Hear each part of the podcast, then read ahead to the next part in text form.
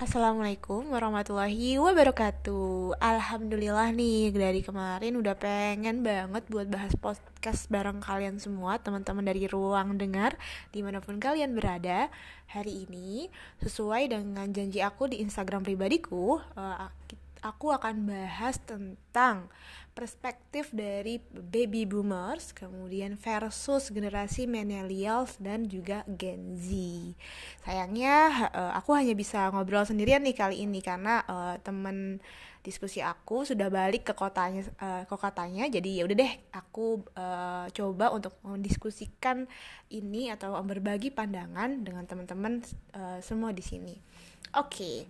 Uh, kalau tidak salah judul yang sempat aku uh, mention di Instagram pribadiku adalah terkait dengan uh, perspektif uh, pandangan dari masing-masing generasi yang berbeda dan juga uh, tentang uh, apa namanya mimpi sang anak. Jadi tuh gini, hari ini ya dengan kemudian uh, dunia media sosial yang berkembang sangat pesat, kemudian juga itu akhirnya membuat informasi, ilmu pengetahuan itu bisa uh, tersebar secara merata ya.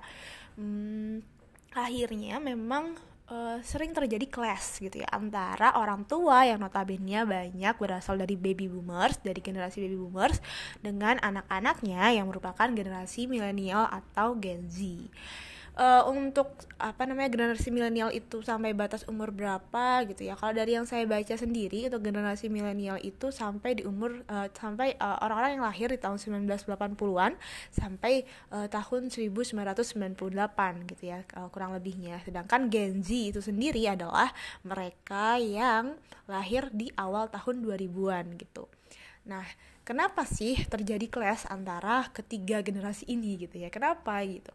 Karena memang e, masalahnya berbeda. Kemudian akses informasinya juga bisa berbeda.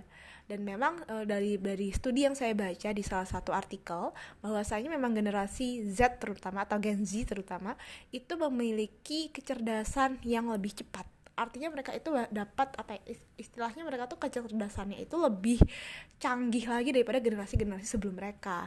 Kenapa? Karena adanya pengaruh dari teknologi dan informasi yang tersebar dengan cepat kayak gitu teman-teman. Jadi wajar sih kalau ter terjadi yang namanya class atau perbedaan pendapat ketika anak ingin A, orang tua pengennya B gitu. Itu wajar banget dan kita harus bisa memahami juga bahwa orang tua di dalam syariat Islam itu memiliki kedudukan yang sangat tinggi di hadap uh, hadapan Allah Subhanahu wa taala. Jadi uh, penting juga nih kita untuk senantiasa mendahulukan adab kepada kedua orang tua ketimbang intelektual kita gitu. Kenapa? Karena memang kita hidup itu kan untuk menyembah Allah nih. Kita hidup untuk mentaati apa yang Allah perintahkan dan menjauhi apa yang Allah larang. Jadi dahulukan adab sebelum uh, ilmu dulu gitu gitu. Sama halnya ketika kita ingin berekspresi atau mengungkapkan pendapat kita terhadap mimpi kita kepada kedua orang tua kita. Kenapa? Karena um, orang tua itu uh, di dalam Islam itu ada yang namanya gorizah teman-teman atau naluri. Uh, salah satu naluri yang ada di dalam uh, setiap diri manusia itu adalah naluri bako atau uh, naluri eksistensi diri. Yang namanya orang tua mereka kan tentunya yang melahirkan kita dong dan juga kemudian yang uh, harus kita dengarkan pendapatnya. Kita di harus kita muliakan gitu kan. Uh, jadi wajar ketika kemudian mereka ber apa namanya mereka menentang pendapat kita atau tidak setuju dengan pendapat kita karena mereka sudah merasakan yang namanya asam garam kehidupan. Beda dengan kita yang baru mungkin di usia uh, 20-an tahun atau mungkin masih 17 tahun gitu kan ya akan uh, dianggap oleh orang tua kita dalam tanda kutip uh, belum tahu realita kehidupan yang sesungguhnya. Meskipun itu juga tidak sepenuhnya benar gitu. Karena tentu dong uh, setiap pengalaman hidup yang kita alami itu akan sangat berpengaruh dengan bagaimana kita memandang kehidupan. Tentang bagaimana kita mengkrit masa depan seperti apa yang kita mau wujudkan. Jadi um, ya kita harus bisa memang memahami ini dulu sih gitu ya. Jadi jangan juga ngejudge orang tua kita. Orang tua kita tuh nggak ngerti kita gitu ya. Mereka tuh memaksakan kehendak dan sebagainya. Bukan bukan bukan. Mereka nggak pernah ingin yang namanya memaksakan kehendak. Tapi mereka ingin dong yang namanya orang tua itu ingin yang terbaik untuk anak-anaknya. Ingin anak-anaknya itu ada di track yang benar gitu ya. Di jalan yang benar sayangnya jalan yang benar versi orang tua kita tidak selamanya benar menurut kita atau pas menurut kita.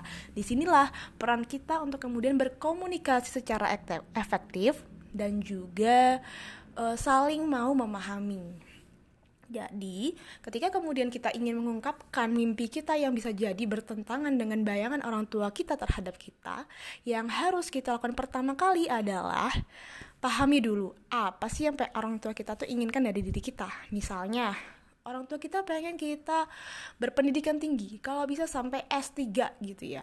Oke, gitu. Kenapa bu gitu ya? Kenapa pak? Kenapa kita harus berpendidikan tinggi bahkan sampai S3?